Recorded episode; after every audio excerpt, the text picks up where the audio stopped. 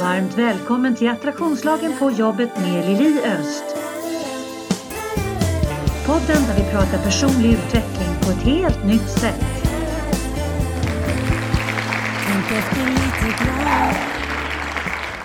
Varmt välkomna till Attraktionslagen på jobbet. Denna fantastiska fredag är jag så otroligt glad att välkomna Hasse Karlsson som min gäst. Varmt välkommen Hasse! Tack snälla! Superkul! Ja, det är supermysigt. Alltså du är ju föreläsare, du är en av mina eh, kollegor eh, och vi är ju då kollegor i NSA. National Speaker Association, talarföreningen Sverige. Ja, och där lärde vi känna varandra du och jag och det är några år sedan nu och det är fantastiskt eh, härligt. Vi har spelat in en låt tillsammans har vi gjort för föreningen. Ja, magi. Och ja, men det blev bara sådär uh, instant love, i alla fall från min sida. Ja, eh, du, när vi träffades. jag vet inte om du kommer ihåg det, men du la lite stämmer. Ja. Och Jag, jag blev så fruktansvärt berörd av att du hade sån otrolig närvaro, sån inlevelse och så satt det något så fantastiskt. Jag var tvungen att ställa mig upp och krama dig. Jag började nästan gråta. Jag tänkte att knappar de till mig nu så tar jag det. Jag, blev så berörd. Det är ett otroligt minne för livet. Det var, Det var fantastiskt. Ja, det var Ja, magiskt. det var. Och nu är jag Det- jätteglad att du är faktiskt min gäst här i podden. Mm. Och Kul. jag var inne på din hemsida och Yes. eh, tittade lite grann. Och alltså jag älskar ju titeln på din bok som jag dessvärre inte har läst ännu, men, men är i min planering. Den är så jäkla bra den titeln. Jobbar vi ihop eller bara samtidigt? Mm. Det är en Det- sån bra fråga. Den titeln har satt mat på bordet åt mig i tio år nu.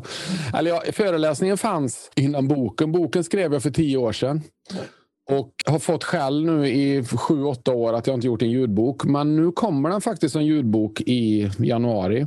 Det var kul! Ja, eh, någonstans i januari ska den släppas. Så det, det är roligt. Så att, men ja, den titeln är, den är rolig. och den om man tänker föreläsarmässigt så är det ju så att jag har ju inte, den, föreläsningen finns inte utan det är en rubrik och sen samlar jag råvaror utifrån varje kunds behov. Mm. Men genom åren så har ju jättemånga kontaktat mig och sagt Åh, det, du, du har ju fattat våran bransch. Alla tror att det är unikt för sjukvården eller för dörrförsäljning. Eller för... men, men det gäller ju lite överallt där Homo sapiens är. Att vi, vi är ju helt beroende av varandra. Vi, vi är en, en flockvarelse och detta och ändå är samarbete det som är absolut viktigast men det som är jättesvårast. Mm. Mycket märkligt. Ja, men eller hur? Och, och, och därför är ju det liksom att sätta huvudet på spiken, tänker jag. Den frågan är definitivt huvudet på Mm. spiken. Och Mm. Du jobbar ju då, som också står på din hemsida, att pratar om samarbete, arbetsplatskultur och inre ledarskap. Och då klickade jag in mig på inre ledarskap och då skriver du så här. En människa andas dubbelt så mycket nu som på 1920-talet. Just det. Jag ramlade över en studie för många år sedan och jag har inte hittat den sen. Det stör mig enormt. Men den försvann nog i några datorbyten där. Men annars samlar jag alltid på mig all sån här. Men för jag vet fortfarande inte hur man har mätt det. Men du vet, Homo sapiens är grymma på nörda. Så det finns ju nördar som, som, som vet allt om en viss skogssvamp i Belgien på 50-talet. Och någon vet allt om poesins utveckling i Uruguay på 70-talet. Whatever. Så någon har ju nördat på detta och fått fram, eh, gjort mätningar och kommit över gamla studier och jämfört idag och så vidare. Och, och jag, jag som, som en killgissning, om man tittar sig omkring så, så känner jag att det, ja, det, det ligger ju lite i det. Mm. För det handlar om Jag, jag, jag ska säga det också bara att jag, jag hade väldigt grav astma som barn. Och som vuxen sen så började jag träna och bla bla bla. Så försvann det och det var, ingen fattade någonting innan de fattade att ja, men det var nog det här med träningen. Så att jag har en väldigt nära relation till andning. Så jag, jag är nörd på andning redan där. Och det var väl det som gjorde att jag snappade på den studien som jag snubblade på då. Mm. Eh, för andning är A och O i hela livet. Ja, det är ju det. Eh, Utan andningen blir vi ju lite, ja vi sitter Ja. lite i skiten som jag kunna säga. det blir lite tufft. ja. Men, och, och där tänker jag också, för att andningen hör, det hör ju ihop med stress. Ja, ja. Och i dagens läge så är det ju väldigt, väldigt många som hamnar i kronisk stress. Ja. Och då blir ju naturligtvis andningen påverkad. Det kan också vara om man tittar på hur man sitter framför en dator. Man sitter, liksom, man sitter kutryggad, man drar Mm. huvudet lite bakåt när man sitter, man Mm. stryper liksom tillförseln av, av friskt syre till hjärnan. Jajamän. Eh, Det är otroligt många sådana saker som faktiskt påverkar hur vi mår om dagarna, tänker jag. Och Ja, jag ja, ja. läste någon studie för många år sedan Mm. där de sa att vi skrattar ungefär en femtedel av hur vi skrattade på 50-talet. Oj, så Mm. intressant och tragiskt. Ja, Fruktansvärt tragiskt. allvarligt. Ja. För skrattet är lite roligt det du sa. Nu hade en diskussion med en människa förra veckan inför en, en föreläsning vi planerade. Så pratade vi om, om skrattet, andning och sång. Mm. Och, och, för, jag är utbildad ljudtekniker en gång på 80-talet. Och på den tiden det var så roligt för att jag, det, jag har en jättefin utbildning. Jag var en av de bästa i Europa på den tiden. Eh, och det har jag haft jättenytta av i hela mitt liv. Eh, och framförallt nu när pandemin kom och, och man blev, gick från human being till pixel being, alltså att man blev en digital föreläsare. Men, men, men jag, alltså alla sångare jag har liksom spelat in under åren och nu är det så att det är inte varje dag man, man får dig framför micken som, som har det. Men de som kanske är första gången eller de är inte vana eller så. Ett, få dem att skratta. Dels så är det, vi går ifrån det här nervösa krigstillståndet. Men så är det så att, att vi flyttar ner tonen i magen. Ja, du vet det där som du har på Mm. autopilot. Men det finns, eh, jag tror han hette Bo Sydow eller någonting sån här sångpedagog som räddade Joey Tempes karriär en gång i tiden på 80-talet. Så, va? Han visar, jag var på ett seminarium med honom och han visade en inspelning på, med Elvis. Han sjöng. Och det var ju, jag är ju sån sucker, jag älskar ju Elvis, men jag tyckte det var så bra. Så sa han den här blir inte plattan, för han producenten tyckte inte det var bra. Och så, Då gick bandan hela tiden och så, så sjöng han och, så, och han flabbade bara mer och mer och mer. Och han, till sist så skrattade han så han kikna och alla garvade liksom bandet och alla bara come on guys. Så här. Och sen så sjöng han och så säger Bosse, lyssna nu, här är tagningen, första tagningen och här är tagningen efter de har skrattat i fem minuter. Efter han skrattat, ett helt annat djup i rösten. Mm. Och då vart jag sådär, ja, vad var jag, 18-19 år, bara aha. och det har jag haft med mig i livet för att det är samma sak på våra arbetsplatser. Jag lyssnar när jag kommer in någonstans. Är livet jobbigt? Lösningen är inte att vi ska skratta. Det är fruktansvärt om, vi, om man är arg och någon ska tvinga mig skratta. Det är inte det jag pratar om. Men att vi ska hitta det som gör att va- varför har skrattet tystnat här? Varför har Mm. skrattet tystnat i den här relationen, parrelationen? Mm. att tvinga fram skrattet. Det finns ingen mekanisk grej i det. Men vi ska hitta det, för skrattet är så viktigt. Så det var jätteintressant att du sa det och jättetragiskt. Och jag tänker verkligen att det är någonting som vi behöver återclaima, eh, både Mm. som privatpersoner och i, i arbetssituationer så att säga. För att Jajamän. jag tänker att när vi skrattar så, Mm. så använder vi ju hela själen. Vi går ju liksom in med Ja. hela systemet av människan i den känslan. Och då Mm. Ja. gör det att vi öppnar upp vårt tankesegel, vi blir mer Mm. kreativa, vi, Ja. kan, vi blir mer empatiska när vi skrattar. Så att det här Mm. sådana arbetsplatser där man säger det här är ingen jävla lekstuga. Mm. Där har man missat en rätt viktig Mm. detalj. För Mm. att, att det är så mycket kreativitet som föds när vi tillåts att glädjas. Ja. ja, ja, ja. Och där, om jag får resonera vidare med dig nu, om man bara tar ett litet parallellt sidospår. Där är en av alla magiska grejer med sårbarheten. Är du nyfiken på vad som skulle hända om hela teamet eller företaget bytte fokus? Kontakta mig på liliost.se. Jag, jag har jobbat inom särskola och så vidare och, och jag har jobbat som försäljningschef och diverse och musiker med. Då. Så det här med självledarskap har jag ändå följt med i livet. Sådär, va? Men att, att om jag vill att det ska hända någonting med en grupp, om jag gör mig sårbar, och det gör jag i mina föreläsningar, jag sätter mig i åsnans ställe. Mm. Jag pekar aldrig på någon. Och så får du tyst för dig själv skratta åt mig och tyst för dig själv säga att ja, det har jag också gjort, men ingen som pekar på dig. Nej. Men sårbarheten som bjuder in oss att skratta med varandra.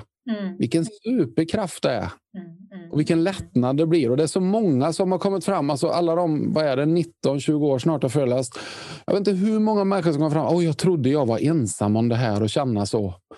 Och det var så skönt. Jag skrattade åt dig och jag vill bara att du ska veta att jag är likadan. Så, så inte du känner att jag skrattar åt dig. Jag vill skratta med dig. Men snälla vän, så vad roligt. Ja, men du vet. Mm. Får jag nörda lite nu eh, när det gäller hjärnan och skratt? Du spårar ur direkt. Jag sa, du frågade mig, så har jag några riktlinjer? Jag sa nej, var dig själv. oh, fy vad du ångrar dig. Nej, det är underbart. Vi vet ju vad vi har varandra. Men, nej, men det är så här, om vi tar spegelneuronerna i hjärnan då. Det är en liten familj neuroner som, som, som liksom återspeglar allt det du gör. Det är så vi lär oss. Och så där. Och då finns det vissa sociala beteenden som är viktiga för flocken. Mm. Och, och, det är att vi har roligt ihop och att vi sover ihop. Så Du vet den här klassikern, om en jaspar så jaspar alla. Mm. Och sen går, jag, jag, brukar säga det på föreläsningar, men jag har aldrig gjort det för jag tycker det är så hemskt. Jag har gjort det med kompisar några gånger. För det, det är, det är, lite, det är att våldföra sig egentligen. Men det är faktiskt så att Ställer du dig i en grupp människor, sen om det är tre människor eller om det är 300 och du skrattar alltså otroligt ohjärtligt. du vet John Cleese-garvet så. Nu räcker det med att säga John Cleese så börjar jag ju flabba för han är min idol. Men, alltså, du skrattar väldigt mekaniskt. Mm. Grejen är att folk kan hata dig och tycka att det här är skitfånigt. Men spegelneuronerna, mm. de bara, det här känner vi igen. Och de går bananas liksom. Och plötsligt så står du och skrattar. Inte för att något är roligt, utan för att det är dumt. Men du skrattar. Ja. Och då är vi två som skrattar. Och sen är det fyra, och sen är det tolv, och sen är det 24 och sen är det 76. Mm. Fråga mig inte om ekvationen där, men det är en enorm acceleration. Och det är ju för att, att jag gör ju mycket som mina föreläsningar, jag reser i tiden. Alltså vad, Homo sapiens, hur var det för 40 000 år sedan? Hur var det nu? Och vi är en flockvarelse och där är skrattet viktigt. Mm. Och, och andningen är jätteviktigt, att vi kan, vi kan ändra på vår andning. Om, om, jag, om jag får berätta en grej som man kanske inte ska berätta, men jag berättar ändå. Jag var med om en helt sjuk grej nu för inte ens en vecka sedan. Eh, jag hade, eh, jag vill bara det här med andning då, men jag hade en föreläsning för ett gäng människor och eh, det är så här att de har ändrat en blodtrycksmedicin på mig för jag ska göra en njurundersökning och bla bla bla. Och så för att jag ska bli medicinfri och jag ska bli frisk och må bra. Eh, jag lever tack vare att jag alltid rört på mig, att jag inte stressar, jag dricker ingen alkohol, jag rökar inte. Och så gud förbjude, det värsta man kan göra i Sverige, jag dricker inte kaffe. Så att nu kan alla idiotförklara mig. Men i alla fall, det, det är ju så här att jag har, i och med att jag hade astma som barn, jag har svimmat långsamt många gånger. Och grejen är i fredags, mitt under föreläsningen, en digital föreläsning. Och det är lite, när vi föreläser digitalt, vi är i direktsändning. Vi står och mm. tittar in i en kamera och där sitter det x antal människor. Det kan vara 40 människor, det kan vara 500 människor. Och jag känner bara att nej, jag håller på att svimma. Jag känner att benen börjar svika och jag känner mig yr i huvudet och jag känner igen det. och då, det är bara helt sjukt. Så att jag, min minnesbild är att jag typ säger att jag ber om ursäkt, men min, min hund skäller. Jag måste ta, kolla upp det här snabbt bara. Och så har jag en bildmixer. Jag är ju liksom bildproducent också, så jag trycker på en knapp så att min iPad kommer upp i bild, så inte jag är i bild. Och bara sjunker ihop på golvet. Nu, nu är jag ju förtjust i andning och yoga och sådär, så att jag satte mig på knä fällde mig framåt. Jag tror det heter barnets mm. posé eller någonting. Och så lägger pannan i backen och händerna framför huvudet. Och, nummer, och det som går, det som haverikommissionen i min ryggmärg bara skickar, andas. Och det är så skönt att höra den. Den, den pulsen, liksom. Andas. Jag bryr mig inte om något annat, bara andas. Och så andas jag och så går jag igenom. Vad är det som händer? Vad är det jag känner nu? Jag känner jag mår inte illa. Det är inte det. Och så fattar jag det är ju blodtrycksmedicinerna för jag har ändrat en medicin då. Och då kroppen går ju lite bananas och detta har aldrig hänt i hela mitt liv. Och så händer det mitt under en föreläsning. Äh, totalt vansinne liksom. Men för mig så, så, kan jag inte nog trycka på det här med andning. Jag kom upp på fötterna sen och mådde bra. Körde igång föreläsningen, pratade fem minuter. Sen kom den här pausen som var planerad och då fick jag andas lite till. Men de sista 30 minuterna de var tuffa. Liksom. Men de var underbara. Jag, jag vet inte hur många som märkte det. och så. Jag, jag ska ha ett, en genomgång med ena enhetschefen där. Men Ska du berätta det, då vad det var för någonting som hände egentligen? Nej, precis. Alltså, jag vill bara kolla med dem. att De undrar vad, vad, vad är det frågan om. Liksom. De mm. kanske inte märkte någonting. Eller så tyckte de att vad är det för en oseriös kille att springa efter hundar mitt i en föreläsning. Men skitsamma, jag ska inte ursäkta mig. Det är inte det. Men just det är så skönt att i en sån nödsituation. Alltså det är inte behagligt att svimma. Det är inte behagligt att svimma på jobbet. Jag kan säga så här, på riktig scen hade det varit jobbigt. Då var det digitalt, så jag kunde liksom mm. försvinna i bild. Men det är så skönt. Jag vill bara trycka på det att, att, att man har en kommandostation liksom, eh, i huvudet. en central, kommandocentral som har ett körschema. Nu är det kris. Vad är nummer ett? Andas. Hur andas jag nu? Och Jag vet inte hur många människor... Jag har hamnat i lite situationer med bilolyckor, och olyckor och folk. Och det första man gör är att titta på en människa, du vet det här. Och sen försöker man få den människan att börja andas. Mm. Riktigt så, va? inte kaninandas då. Va? Mm. mm. Men det är jättekonstigt att vi inte tränar på detta mer. Det är precis som vi har jumpa. Så borde vi ha liksom en lektion i veckan där vi bara lär oss andas. Det är samma sak med folk som, som har panik över sitt sexliv och sådär. Och, och en del öppnar sig. Jag sitter med ledningsgrupper och individuella samtal och jag får höra mycket. Och det sker i förtroende. Och det är, väldigt, och det, är det finaste man kan få av en människa. Men då är det en del som säger att ah, det är mycket som strular nu i livet. Och så börjar de öppna sig. Då, då kan det vara ah, min partner och jag, och samlivet är inte på topp. så och, så där. Och, och Då säger jag det, det är ju förmodligen saker i själen och ni får sök de som är bra på det här. Jag tror inte att jag är Messias och kan allt. Och så brukar jag säga det till, till, till många killarna. Då, säga att titta lite på hur du andas. För under den här stunden vi har suttit nu och pratat med varandra, jag ser att dina axlar är uppe och du, ja det är ju så här och det är ju så. Och det är klart att då om kroppen är i en total stress, mm. då är ju inte fortplantning det som kommer överst på kroppens priolista. Liksom. Nej, nej. nej, då ska vi överleva. Då är du inne i sån där stridsmode hela tiden. då. Det är klart. Jag, alltså jag säger inte att det här med, med den här biten att det är lätta svar. Men jag är övertygad om att väldigt många människor med, eh, med hållbara, sunda övningar på att andas ordentligt, att det skulle förbättra deras livskvalitet enormt. Jo, nu är inte jag någon andningsguru, så att, men det här är en liten bigrej i mitt liv som jag är intresserad av. Ja, jo, men jag håller med dig. Jag drar ju en, direkt en, en koppling till stress på jobbet, eh, stress i relationer. Vad händer med dialogen på jobbet om alla springer omkring mm. i sina egna små stressbubblor och hyperventilerar och inte mm. syresätter sig ordentligt? För det första blir man mm. väldigt trött, men för det andra så påverkar ju det, alltså vi får ju tunnelseende vilket gör att vår interaktion med våra medarbetare blir lidande. Plus att dessutom ja. så eh, får vi ju liksom inte tillräckligt mycket syre till hjärnan och då blir vi trögtänkta. Men bara ja. den enkla andningsövningen att ta en, ett djupt andetag, om man tar ett djupt andetag på fyra, håller mm. fyra och sen så mm. släpper man det på åtta. Ja, ah, just det. Jag tänkte, nu, nu, tänkte nu går musiken igång här. Du är ändå professionell Så du räknar till fyra, du räknar till ja. fyra när du andas in. Du håller fyra och sen så när du, när du andas ut så ska du göra det med öppen mun. Ah, för att när du gör det så talar du om för hjärnan att mm. faran mm. är över. Min förhoppning är ju att den här podden ska hjälpa dig att utvecklas och växa. Har du frågor som du vill komma vidare i och som du vill att jag tar upp i podden? Maila mig på liliatliliost.se Om du gör det ett par, tre gånger, när du känner liksom, när du är på jobbet, du känner bara Alltså, nej men alltså jag går sönder. Det är så mycket saker mm. idag och jag hinner inte och, och vad det nu kan vara för någonting. Bara att mm. ta de andetagen gör att vi faktiskt får en större tillgång till vår hjärna plus att vi lugnar ja. ner kortisolpåslaget ja. som blir när vi går ja. in i liksom fight or flight. Mm, mm. Tänk, alltså bara det du säger nu. Jag vet inte hur många. Jag har ju kommit in i såna konflikthärdar med det. Någon chef ringer mig och säger jag är ny chef här. Alla hatar varandra. Kan du komma hit? Ja, det kan jag. Mm. Och så tar man, skär man ut en kub av luften som är helt svart för att det är så mm. dålig stämning. Liksom. Men, mm. men precis det du säger. Att, och Jag brukar säga det så här att de flockarna, hur man nu vet det, men, men, men de här flockarna som, som för 40 000 år sedan ish de som klarar sig bäst, livet var ju tufft på den tiden, får vi tänka på.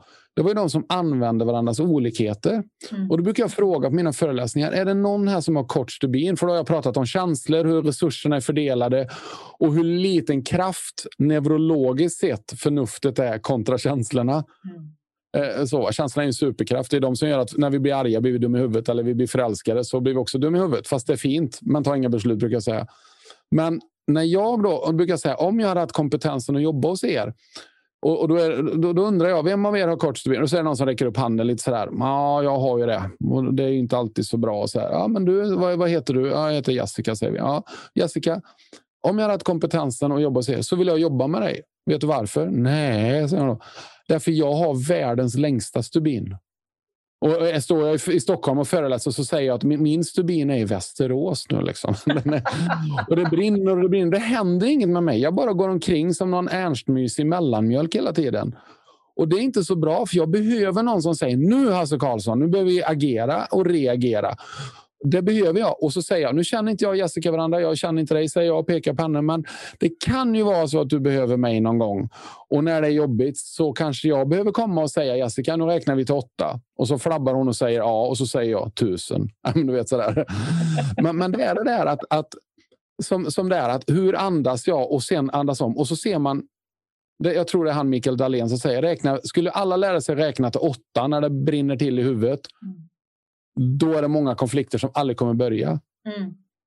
Men har man då lärt sig och har ett körschema, en autopilot som säger andningen. Alltså, och jag, jag tvingades in i det som astmatiker. För jag, som barn på 70-talet, medicinen var ju helt värdelös. Jag kunde som tioåring sitta på min sängkant med armarna raka för att trycka upp bröstet i kanske två timmar och bara och bara vet att håller jag upp mitt bröst, jag håller mig lugn, så kommer jag vinna. Mm. Och det självklart har påverkat mig enormt. Mm. Jag blir ju helt förstörd om jag skulle tänka på att mina barn hade varit med om något sånt. Men det var, det var som det var. Men det, det är en annan historia. Men alltså, det här med andningen. Tänk att vi har en lösning så nära. Vi bär på en lösning allihopa, men vi använder inte. Nej.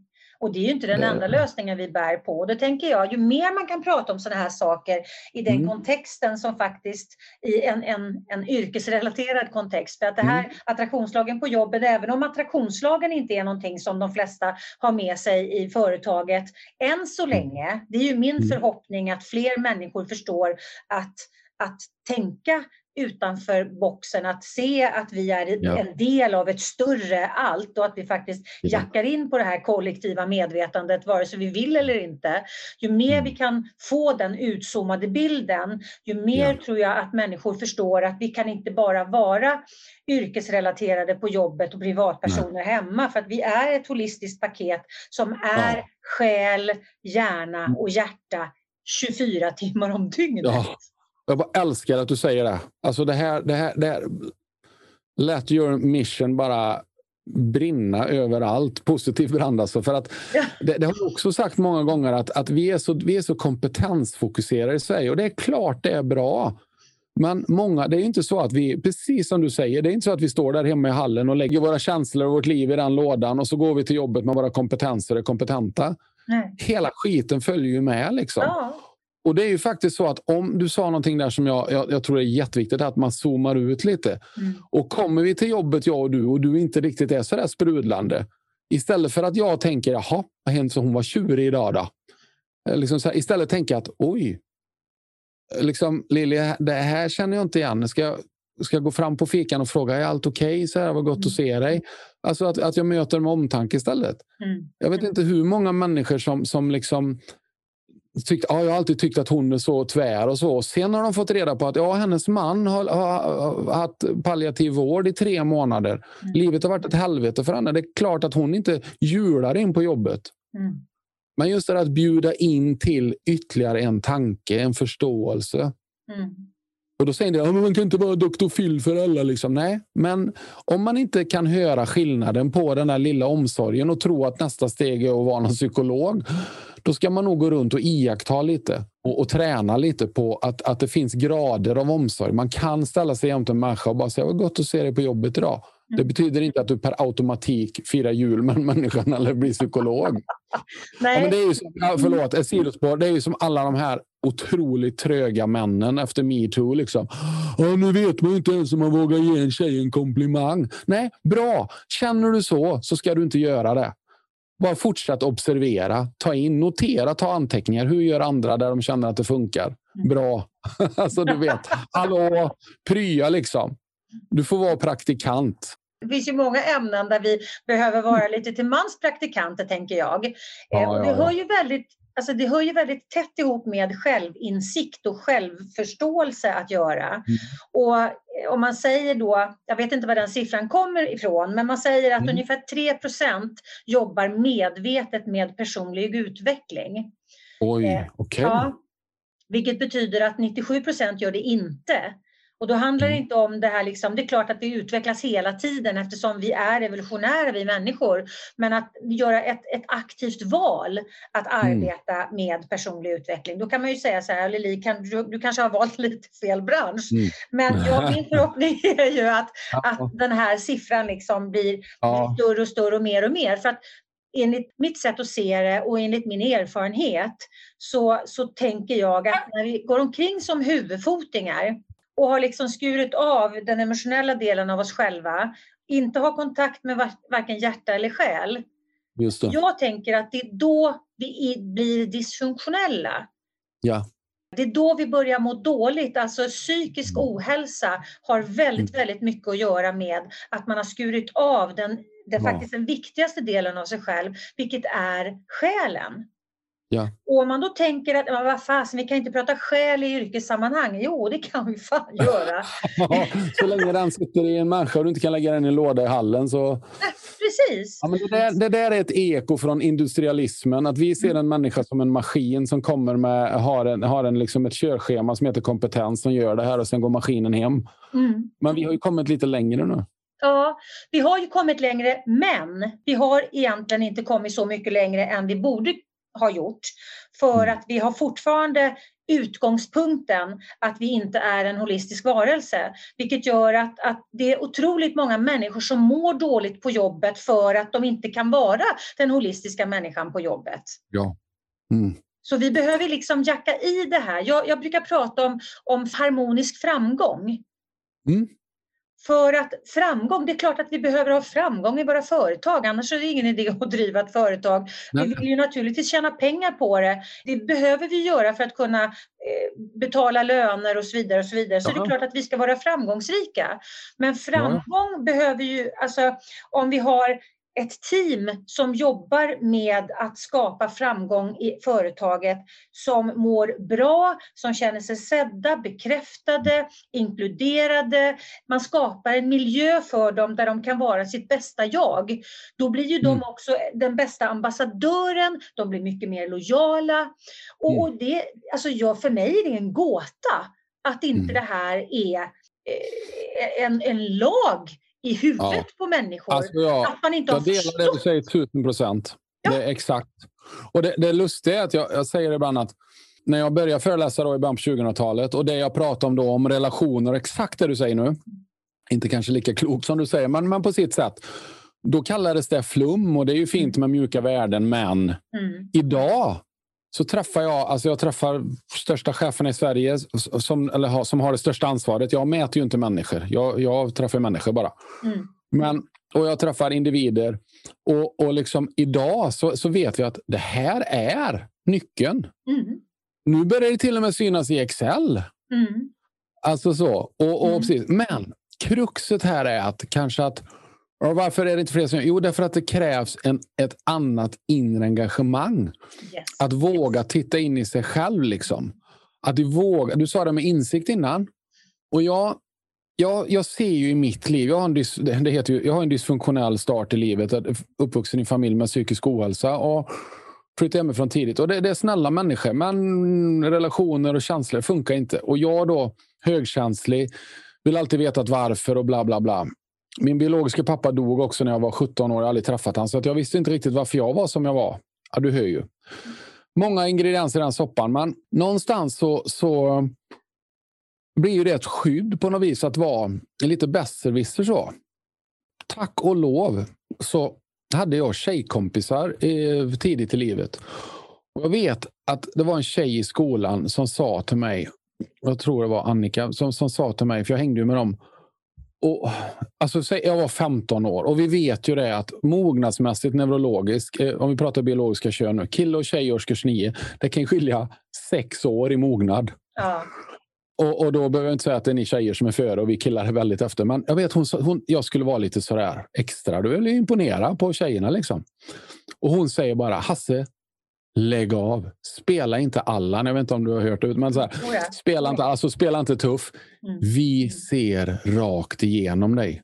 Jag kan säga att det var de värsta tio sekunderna i mitt liv. För hon skakade hela mitt universum. Du vet, 15 år och trodde jag var lätt den coolaste killen och inser att att jag går omkring med massa stålkvinnor omkring mig som har röntgenblick. Jag har aldrig känt mig så avklädd i hela mitt liv. Men så var det ju några hjärnceller som bara gjorde en liten recap. Men vänta lite nu Hasse.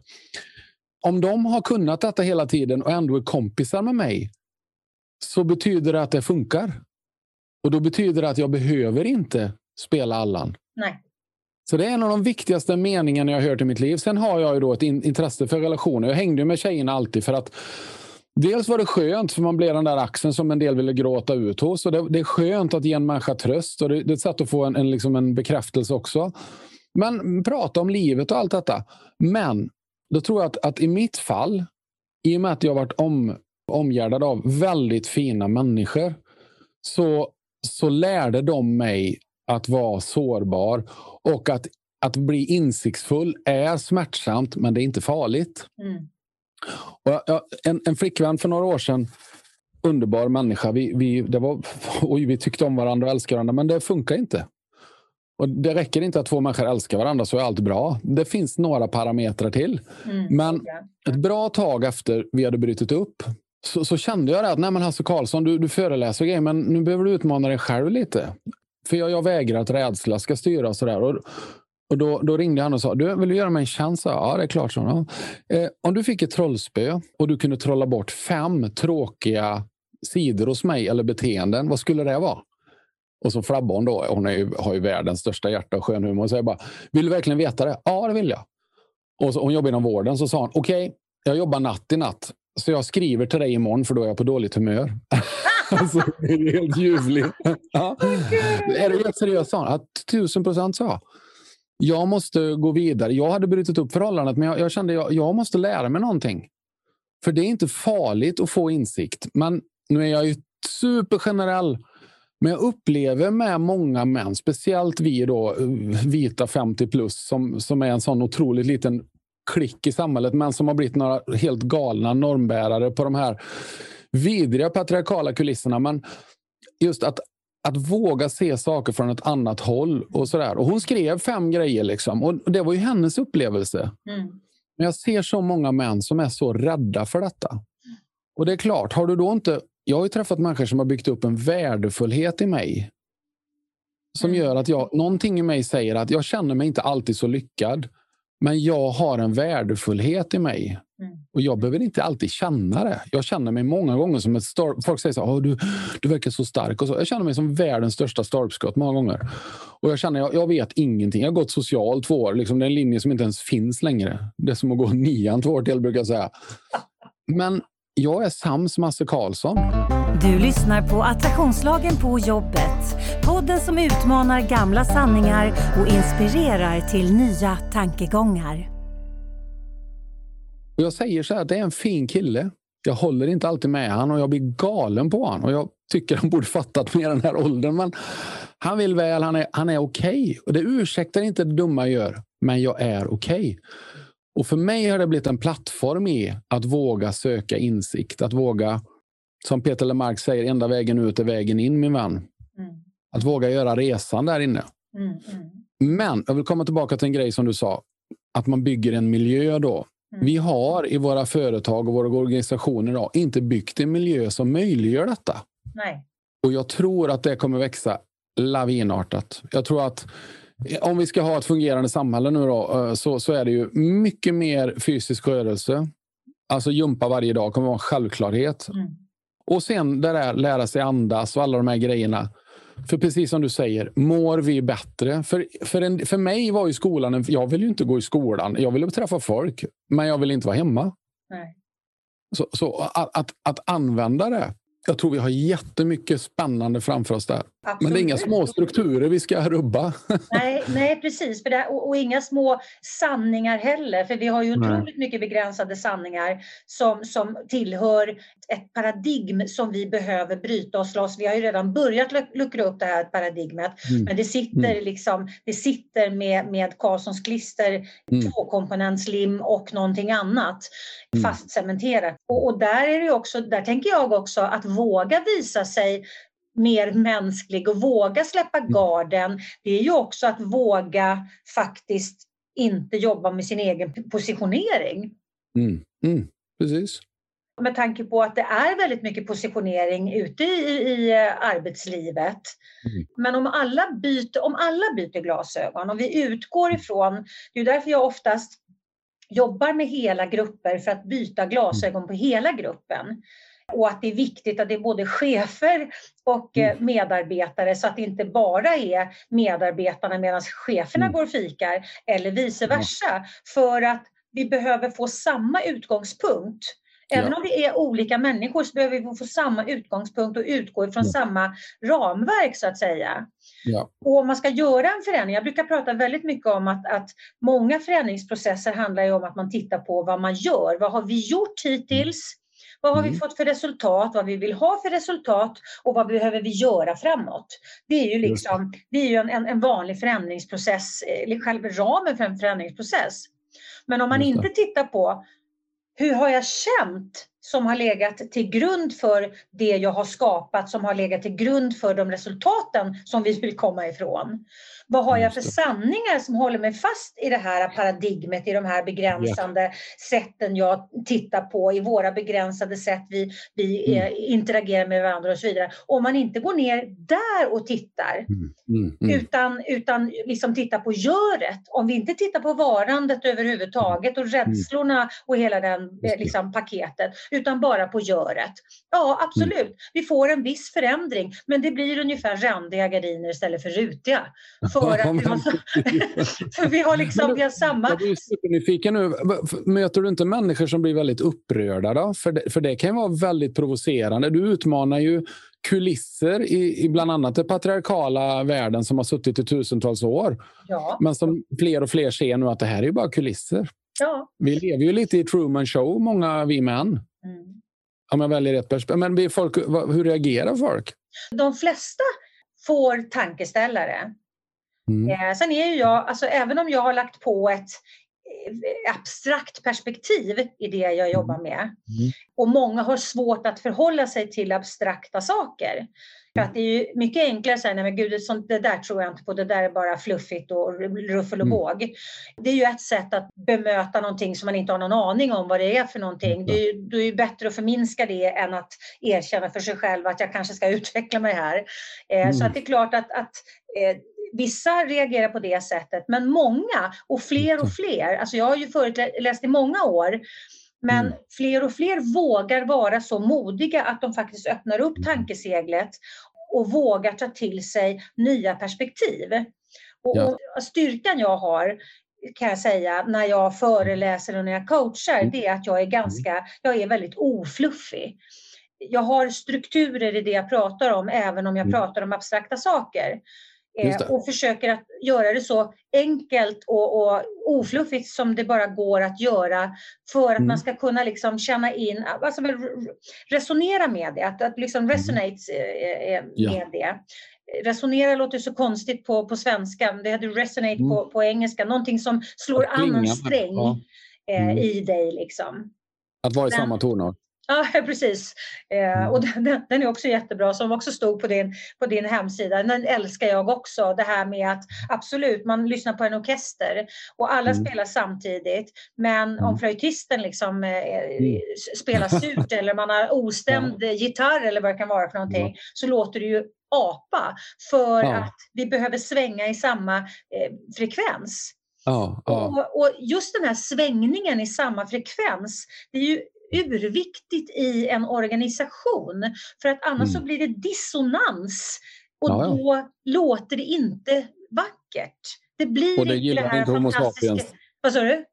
Ja, det gillar inte Homo sapiens. Då vill jag inte gå till den affären igen eller jag vill inte handla Nej. av det företaget. Nej. Det sitter så djupt i oss, du vet. Så att det, det, och det är som du säger med, med orkestern, där, att, att du har 50 pers som spelar magiskt bra och så sitter det en Hasse Karlsson längst fram med en piccoloflöjt där och blåser i helt annan tonart. Då, då, säger inte skämt, ursäkta mig, men ni får faktiskt lyssna på de här 50. Visst är det bra? Är lite svårt liksom. Mm. Det, det, och det är många som säger så, eh, att ja, men nu, alla behöver väl inte vara med på båten. Eh, och då, då, är ju det här exemplet som du drog nu där med, med orkestern, den är ju klockren. Liksom. Jo, alla måste vara med. Och i musik så är det inte som i idrott att någon kommer först och någon kommer sist när man springer 100 meter. Utan vi ska gärna färdas samtidigt. Spelar vi ihop eller bara samtidigt? Det är också ja, en precis. intressant musikergrej. Ja. Om jag bara får studsa tillbaka där. Eh, du säger så mycket bra saker som bubblar omkring. Men jag, jag, jag, en bok som jag köpte, Fanny Widman, som jag rekommenderar starkt. Fannys förebilder, en podd. Hon har intervjuat hundra kvinnor som pratar om hur de har blivit bemötta på ett fullständigt vidrigt, värdelöst sätt. Och jag tror att den boken jag tycker den är så bra. Liksom. För det, sammanställer man får höra om alla de här kvinnornas upplevelser. Och Det är människor som, som lever i, i höga ansvarspositioner liksom som ledare. Och hur många det är som har varit med på det där mötet och fått den där klappen på huvudet och lilla gumman och sånt.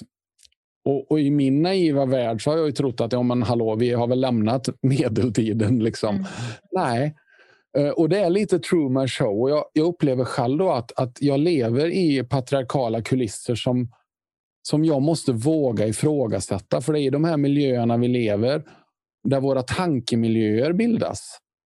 Och, och att prya lite hos dig Oavsett om pryo hos dig som kvinna eller som chef. Eller som, för jag pratar om det här att vi ska, man ska göra rätt, men vi ska också ta emot rätt och vi ska också lämna rätt. De två mm.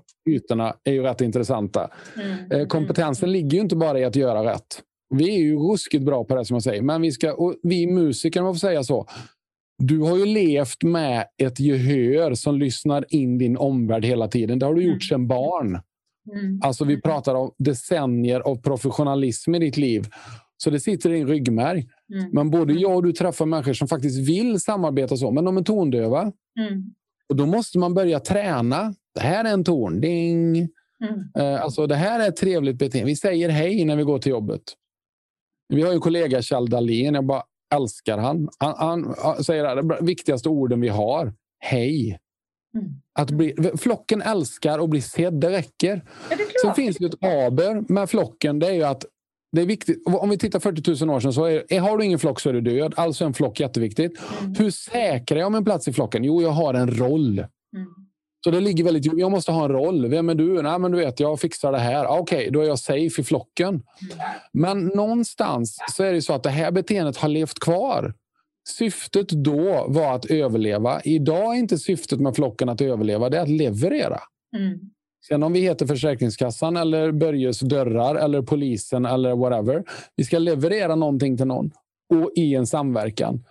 Men vi har samma instinkt kring roller. Och Jag kan skämtsamt säga lite då att, att i mitt Facebookflöde så ser jag ju att det var väldigt många, för, för idag så kan vi ta roller. Det är rätt intressant. Och I mars i mitt Facebookflöde så var det väldigt många som tog sig rollen som statsepidemiologer. Eh, som plötsligt visste allt om pandemier och virus. Oftast väldigt mycket män, givetvis, i min ålder. Och givetvis noterar jag att det var samma gubbar som var experter på skogsbränder lite tidigare. Väldigt intressant. Men det här med att ha en roll, det är så viktigt. Men jag tror att vi musiker, vi, jag brukar säga att jag som gitarrist jag konkurrerar inte med trummisen, basisten eller med dig, lead vocals. Jag vet min roll. Jag ska backa dig. Lili ska stå längst fram och glansa för, så att alla sjunger med. Jag fattar, jag har en roll. Och Det betyder Jag kan inte gå bort till trumpetarna och säga ni ska spela och låta som mig. Nej, eh, precis. Det blir helt fel. Utan man är trygg i sin roll och att vi använder våra olikheter. Då. Och Det är ett litet mysterium att vi inte kommit längre faktiskt. För jag, jag har ju haft förmånen att få vara en liten pusselbit i så många organisationers resor där de har gått från katastrofresultat till fantastiska siffror på inte alls lång tid.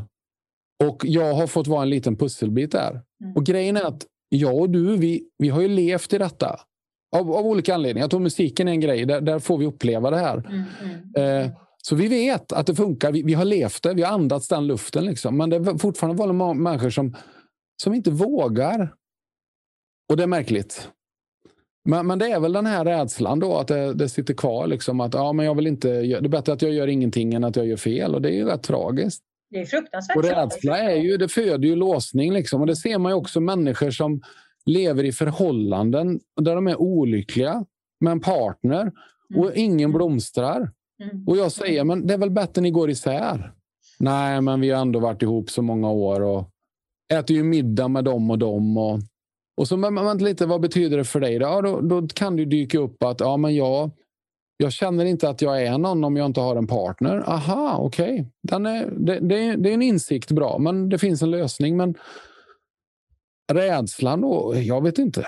Jag, eh, för mig så är det jätteenkelt. Jag har världens bästa bollplank som håller mig själsligt nykter och det är döden.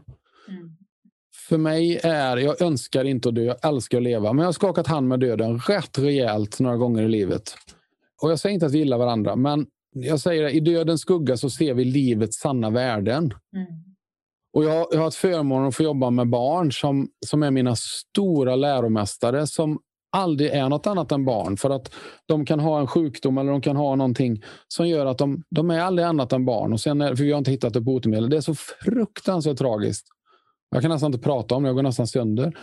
Men de gav mig ett perspektiv och när, när jag jobbade i, i, i särskolan så, så pratade vi på den tiden om förståndshandikapp. Och jag tittar mig omkring i samhället och jag ser att de flesta av oss är perspektivhandikappade. Mm. Och det var inte de barnen. Och jag kände bara wow, de har någonting. Jag måste lära mig det. Och det, det har inte gått en dag i mitt liv sedan dess där jag inte haft med mig någonting som de har lärt mig i mitt liv. Det är helt fantastiskt. liksom. Men det, det säger en hel del om hur det funkar.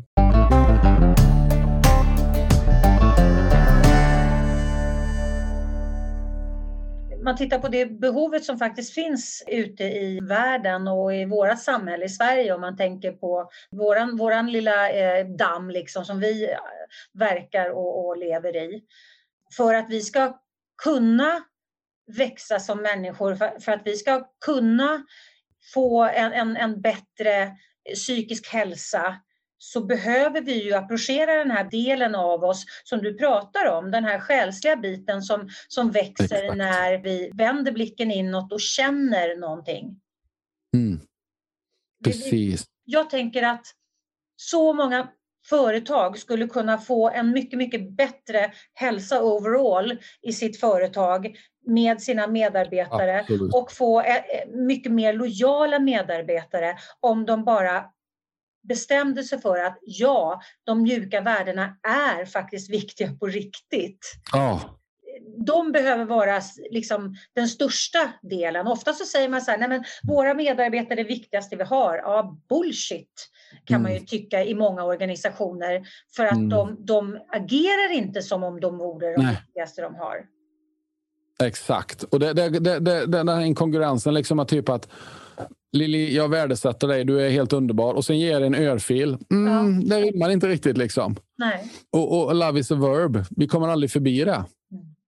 Och, och jag, jag, känner lite så här, och det, det, går tillbaka till de underbara medarbetarna jag hade. De lärde mig ju allt. De här ljuvliga, tålamodiga kvinnorna som, som de var, var helt fantastiska. Alltså superpedagoger, supermänniskor men, men just det här att, att, att ska jag hjälpa dig med någonting så måste jag börja där du är. Ska jag lära dig någonting så måste jag förstå vad du förstår. Kierkegaard.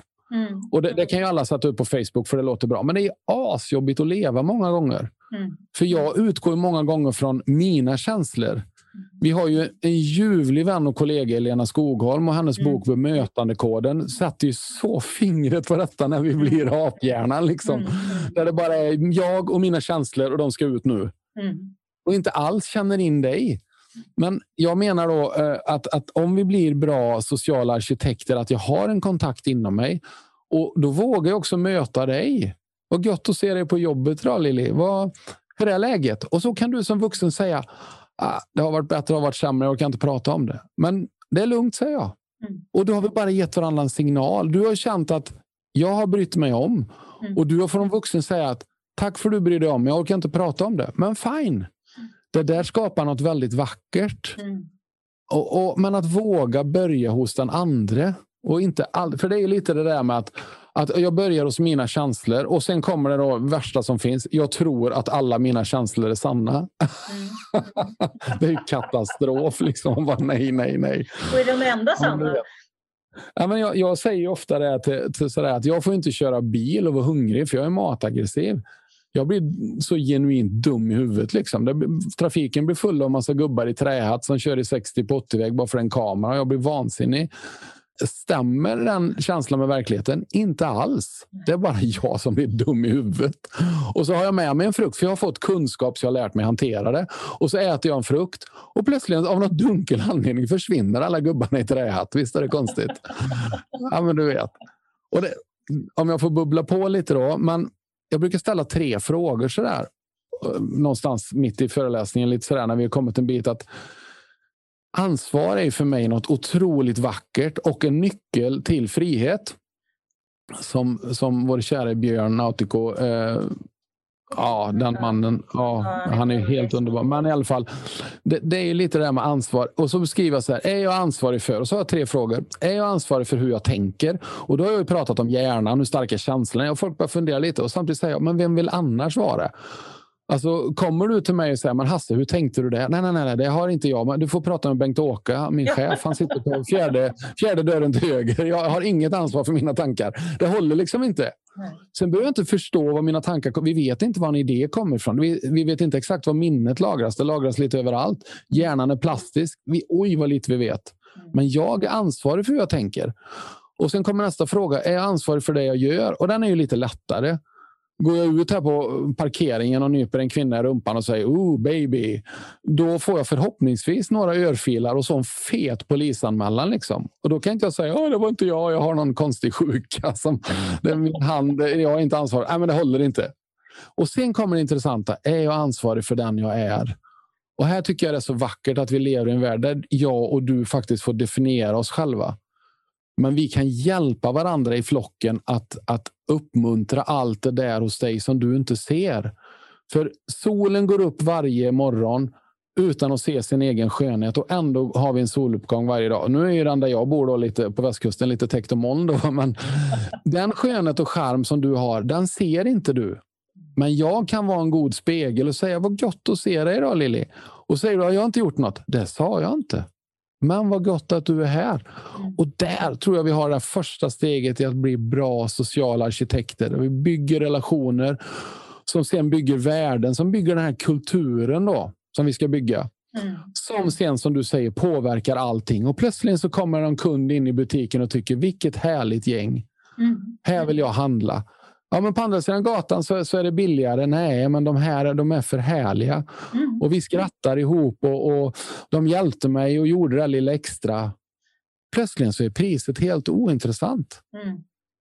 Så, så, alltså, och vi vet det idag, men nyckeln är att jag måste börja i mig. Mm. Ja, men jag är chef, jag ska inte behöva hålla på med sånt. Det säger ju en del. Eller tvärtom, jag är bara medarbetare. Jag, jag får cheferna sköta. Eh, sorry. Har jag, jag, bara, jag har ett kapitel i boken här som heter Non-ananismen. Mm. Det kan vi ju prata om någon annan gång. Det är ju gigantiskt. Absolut. Men vad härligt att någon annan gör det. Ja. Men det är samma sak om jag och du som musiker. Då, även om du är professionell och jag är en hobbyrockstjärna så är det ändå så att det, i, i, musiken kan inte någon annan. Där måste var och en lira på sina instrument. Mm. Alltså lirar inte trummisen så har vi inget beat liksom. Nej. Ja, sjunger inte du så, så är vi bara sån här backing track band som spelar massa ackord. Det finns inget att sjunga med i. Nej, nej. Eller så, det vet vi. Mm. Och jag, jag, tror ju på detta, att, att alla ska blomstra liksom. På min hemsida liliost.se hittar du massor av matnyttig information både för dig som privatperson såväl som för er som företag. Du hittar mina onlinekurser och vad som är på gång och aktuellt just nu. Du kan köpa mina böcker och få dem signerade och du hittar min musik, bland annat vignettmusiken till podden.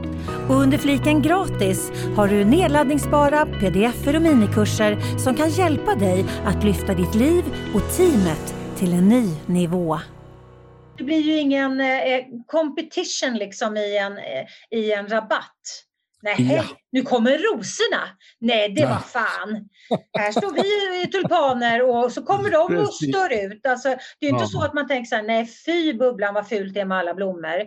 Utan där Ja. välkomnar man säger gud vad vackert det prunkar. Och de får lov att blomma bredvid varandra. Ja. Men det finns någonstans en sanning som, som är Mm. att det finns x antal eh, utrymme här.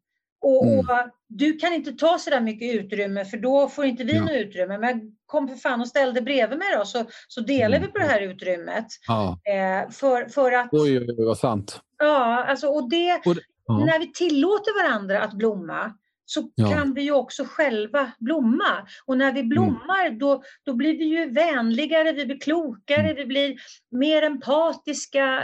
Alltså, eh, där, Ja, ja. Att blomma kontra att gå med armbågarna, det är en Mm. helt, det är så otroligt stor skillnad eh, Oj, oj, oj. Mellan, mellan de vägarna fram.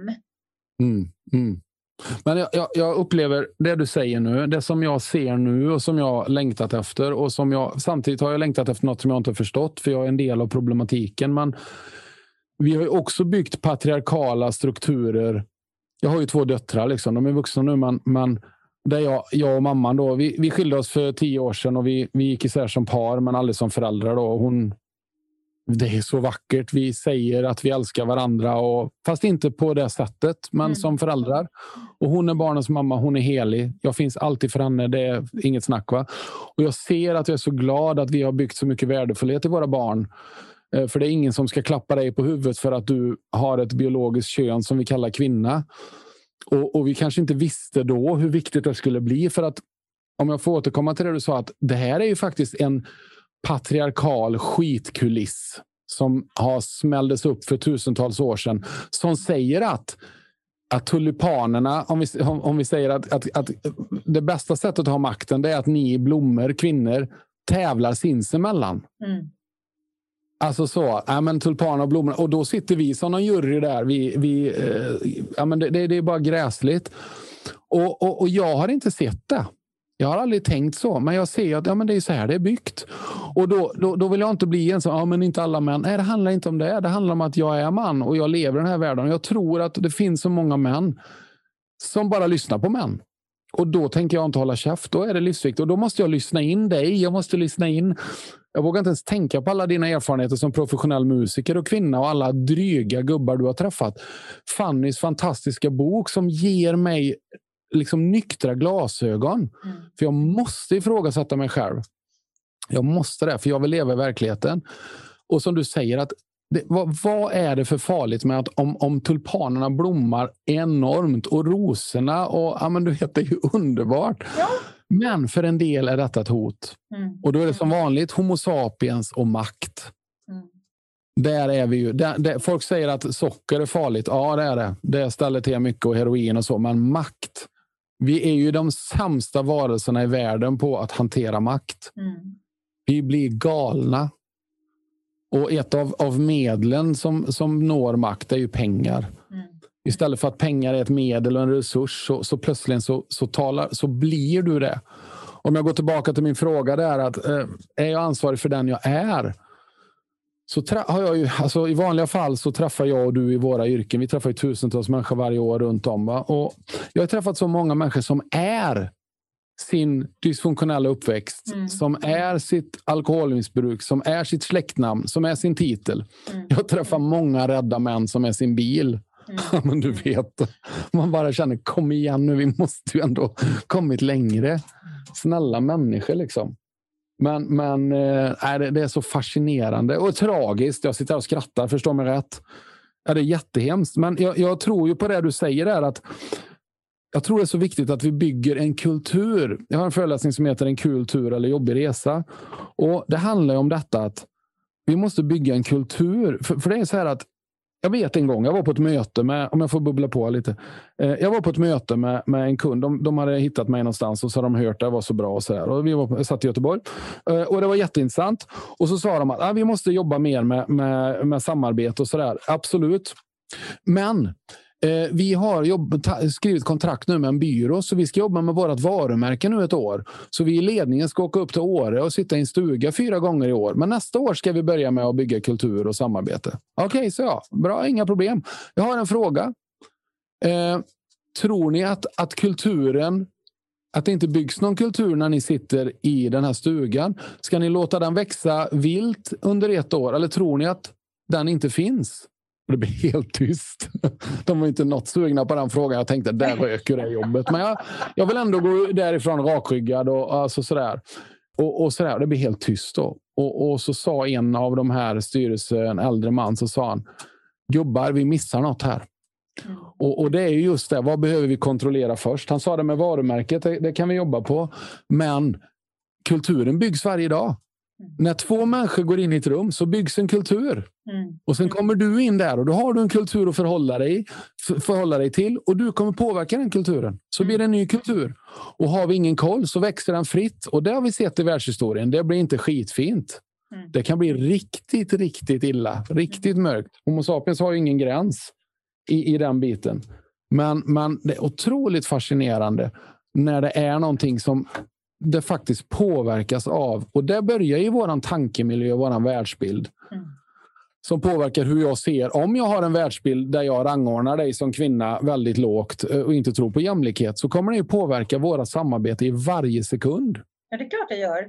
Eh, alltså, och det är därför jag säger så här på rekrytering. Så här, pratar ni om världsbild och så? Nej, man tittar på en CV. och det är självklart vi måste göra, men jag tycker att det är lite endimensionellt. Mm, mm. Ja, men du vet. Och jag tror att det här som vi pratar om nu. Vi vet idag att det här är framgångsnycklar. Mm. Om jag får säga framgång till att må bra, som du sa. Mm. Harmonivalues. Harmonisk, liksom, harmonisk framgång. harmonisk framgång. Och, och, och, och som också kommer synas i Excel och våra resultat. Det, det är klart att det syns på sista raden. Om ja, människor ja. mår bra så är det klart att det syns på sista raden. Ja. Och om jag då har visat mig sårbar och byggt en relation med dig och du kommer till jobbet och du är förbannat otrevlig och kort i tonen. Då tänker inte jag, men vilken idiot. Utan då tänker jag, men snälla människa, det måste ha hänt något. Mm. Att, att, inte en ursäkt, men att vi söker en förklaring. Att mm. förnuftet förklarar känslorna. För vi har en relation och så säger jag Lili, har det hänt någonting? Jag vill inte prata om det nu. Ja, det är fine, då backar jag. Mm. Sen går det några timmar, sen kommer du till mig och säger ja, alltså, det kanske inte var jättebra morse, men det hände en grej. Min katt är på Blå Stjärnan. Jag har inte sovit på tre nätter. Du vet sådana grejer. Och plötsligt så, så landar vi på en plattform där vi faktiskt får säga men det är lugnt. Mm. Vi förstår varandra. Mm. Och de företagen där man har jobbat med detta, vågar tro på det, eh, jobbar med tillit och växer. Det händer fantastiska grejer. Mm. Och det går inte att gömma i Excel. Nej, nej. det vet du också, de musiker som om vi tar Queen, många har ju sett um, vad heter det, Bohemian Rhapsody-filmen. Men de krigar ju liksom och, och, om sina låtar och så. Och Sen kom de ju till läget att okej, okay, från och med nu gäller det här. All musik är vi. Vi ska bara ge järnet. Och, och Freddie han har inte så många år kvar detta. Men vilken musik de skrev. Mm. Jösses! Tycker jag då. Mm. Det är fantastisk musik. Och liksom det här bandet, alltså Freddie dog liksom 91. Det, det går liksom inte att förstå. Och det lever än. Mm. Vi vet redan. Vi, vi har sett detta i organisationer. Vi har sett det inom kulturen och så. När det funkar. Mm. Men då kommer vi väl till det kanske då att vi kanske måste bli bättre på att berätta hur. Mm. För jag, jag, tror att vi, om jag får säga vi då, men jag tror vi musiker, vi bara vet att det är så. så och så börjar vi lira och så, så lyssnar vi efter rätt grejer. Jag, jag, jag vill sätta ettan liksom, så vi har ett bra, om vi spelar funk liksom. Och, och så där, och, och, så vi är tajta för då, och vi spelar rätt. Då är det lättare för dig att sjunga. Det där sitter i ryggmärgen och vi kanske måste bli bättre att översätta det. Ja men precis, eh, till någonting greppbart. Mm. För jag tänker som sångerska, jag har ju jobbat otroligt mm. många år med stämsång. Och, och stämsång hand, handlar ju, att det kan inte vara fyra stycken, eller sex är vi ju ibland i avec. Eh, mm. För att jag sjunger fortfarande med min gamla grupp emellanåt. Eh, mm. Och då kan vi vara sex personer, vilket betyder att mm. vi är två stycken på samma stämma. Just det, ni dubblerar. Eh, och, precis, och vi dubblerar. Och då, då är det ju extremt viktigt att vi inte mm. blir för fram, för, alltså ligger för långt fram, eh, att vi blir för starka, utan vi måste ju hela tiden anpassa oss till klangen. Ja. Så att jag brukar säga att, att som, som stämsångssångerska så behöver mm. jag ju ha lövbiffar till öron. Mm, för att mm. snappa upp liksom, var ska jag vara för att det ska liksom mm, mm. klinga perfekt? Om man har den ja. inställningen, om man, om man tunar in sig eh, mm. på det sättet. Och alla vet att alla är lika viktiga. Det är inte så att nej men första stämman den är inte så jävla viktig eller fjärde stämman är inte så jävla ja, den är viktig. God. Eh, den kan vi vara utan. Ja men vänta nu här, då har vi ett fyrstämmigt arv som tre personer sjunger varav ja. första stämman är borta eller melodin är borta eller liksom det blir ju jätteknepigt. Äh, äh, äh. Utan alla behövs för att skapa det här mm. fantastiska eh, samstämmiga eh, resultatet. Prenumerera gärna på min Youtube-kanal Attraktionslagen 2.0 så att du inte missar några uppdateringar. Och om man tittar på sitt team och sin organisation på det sättet mm.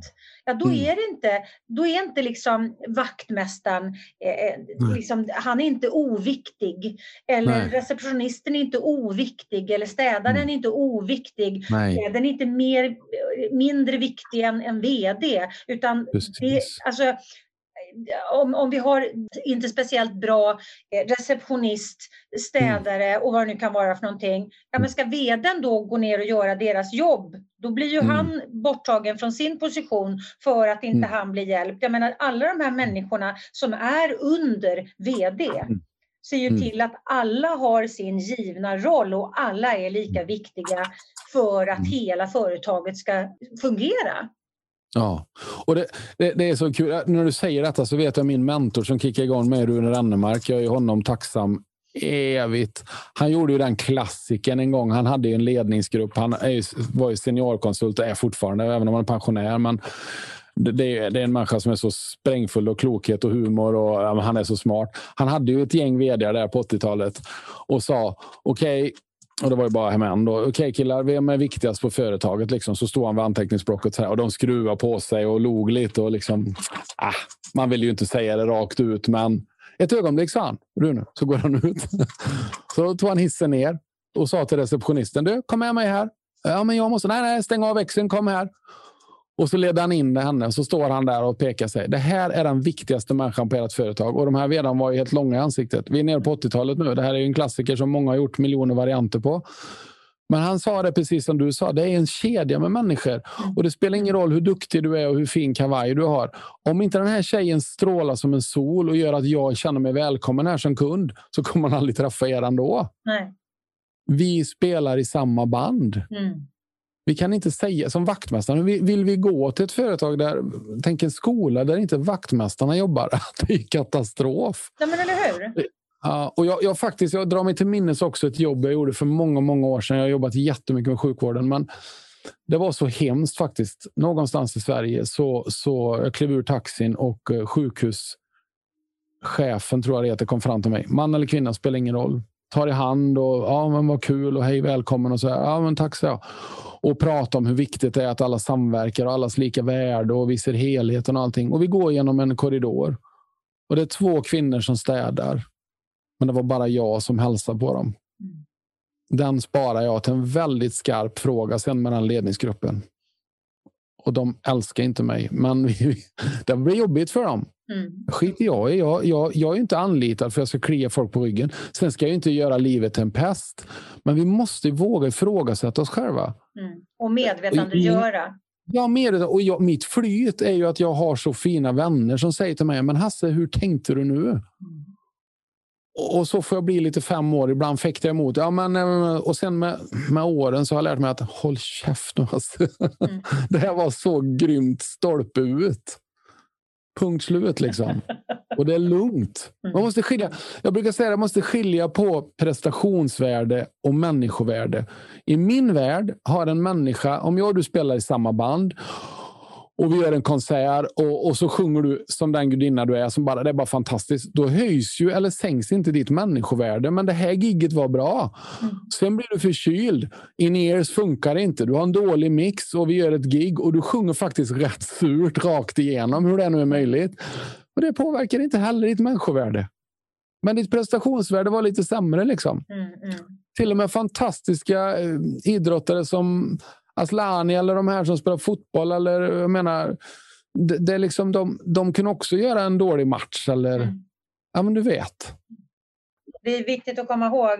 Hasse, vi kan ja. sitta och prata i 14 dagar du och jag här. Eh, jag kan säga att det här blir en lång podd.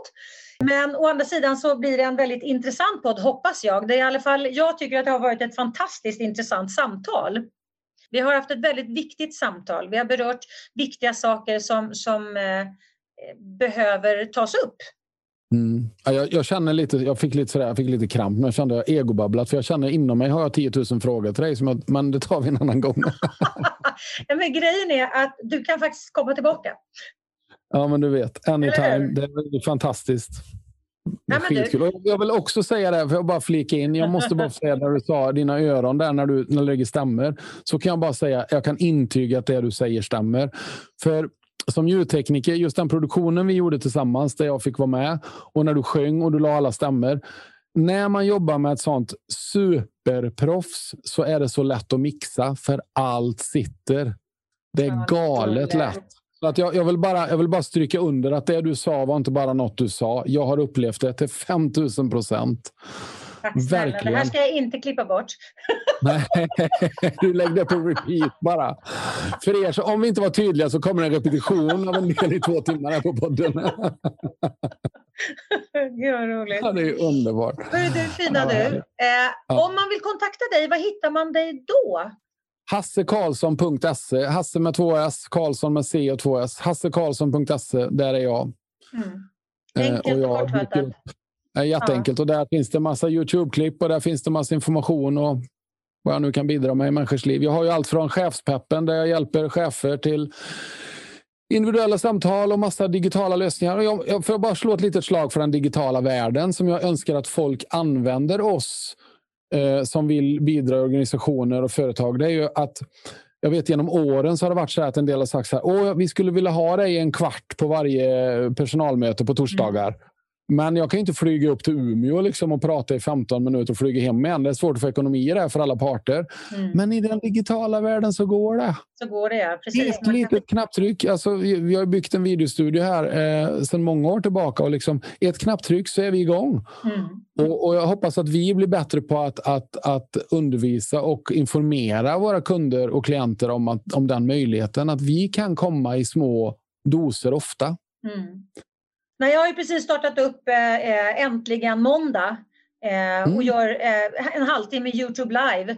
Det är ju den här sätta mm. igång till exempel, och det kan man ju lika väl göra för ett företag, att man sätter mm. igång på måndagsmötet, sätter an ja. tonen för veckan, sätter mm. an fokus för veckan, ger dem en ja. fråga för veckan mm. eh, som, som gör att de växer som människor och växer som team. Eh, det finns otroligt mycket sådana saker som man kan, för att, alltså, för att det är de här mikrovanorna, de här mikroförändringarna som gör den varaktiga transformationen. Ja. Jajamän. Annars så blir det liksom en oh, jättebra ja. föreläsning och sen så gör man som man brukar. Ja, ja. Och nu, det är ju nästan ett eget poddavsnitt, men just det här. Jag, alltså vi, vi, det var en, en, en präst som vigde mig och barnens mamma en gång i tiden för tusen år sedan. Och han var gammal sjöman, så han pratade alltid om, om havet. Men han sa det, ute på sjön så har vi sjökortet och det är 360 grader, alltså att man kan åka åt alla håll. Och då sa han så här, det farliga är en grad fel, för det ser så lite ut på sjökortet Anna. Men med tiden ja. så, så istället för att komma till Göteborg med fisken så hamnar du i Strömstad. För mm. en grad fel hela tiden, som du säger. Den där lilla, att alltid träffas måndagar. Nu stämmer vi instrumenten liksom. Så vi är i samma tune, så, så mm. vi inte bara, ja men du vet. Mm. Och, och, Det där kan man tycka att det är inte så märkvärdigt, men det är en, en huvudnyckel. Mm. Det finns inget band i hela världen som inte stämmer innan. Nej, nej. Som landar och känner in lite och sådär. Och så börjar man lira. Vi ska leverera någonting. Det är på riktigt. Vi är live nu. Kom igen. Det, det är jätteviktigt. Ja, vi börjar på nästa jag tror- podd du och jag. Ja, jag tror du skulle kunna göra 15 egna avsnitt och bara dela med dig av din rutin som proffsmusiker. Liksom. För att det, det Ja. finns ju bara en miljard paralleller som du gör med ryggmärgen.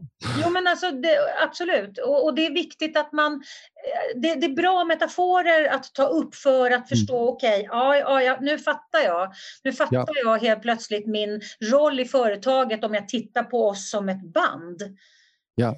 Det blev helt plötsligt annorlunda då. Så att man Mm. kan ju använda sig av parallellerna till att göra liksom, kraftfulla metaforer som gör att folk fattar på en helt annan nivå.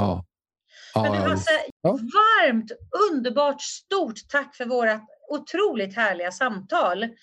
Och Mm. Tack eh, varmt välkommen tillbaka. Det är massa bra episoder framför känner jag här. Hur? Ja. Det får bli en sån här eh, stående återkommande. Mm, Nej, men du har alltså, det finns så mycket gott bubbel i dig som du kommer ha så många gäster och intressanta grejer. Så det, det är så spot on liksom. Det, det, det är relevant. Det, Ja, vi jo. pratar inte, det är inte fredagsmysigt vi pratar om som är jätteviktigt. Utan vi pratar om nyckelfunktioner i Mm. partnerskap, samarbete, whatever. Ja, visst är det 100 så. procent. Ja, kul. Nej, tack, du- kram och förlåt får jag säga. Ja, men tack ska och förlåt. Hej då! Ha det bra. Tack så länge. Du har lyssnat på Attraktionslagen på jobbet. Podden som vänder upp och ner på sanningar och spräcker gamla paradigmer. Följ mig gärna på LinkedIn och på min Youtube-kanal Attraktionslagen 2.0. Tänk efter lite grann Hur har du det omkring dig nu? Är du nöjd? Är du nöjd med det du har? Var är du i ditt liv? Har du funderat på att ta ett annorlunda kliv?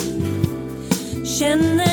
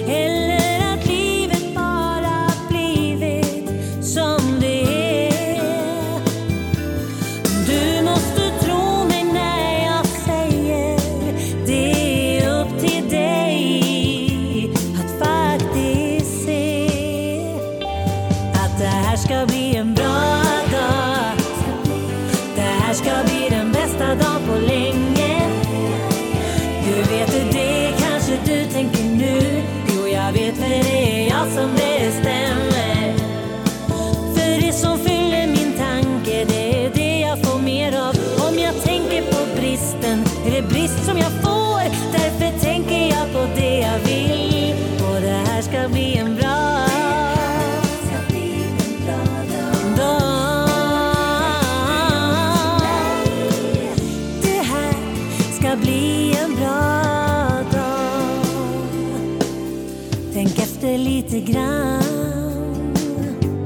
Vad är det som du tänker på allra mest? Det du har eller inte har. Vem är du i ditt liv? Och har du tagit ro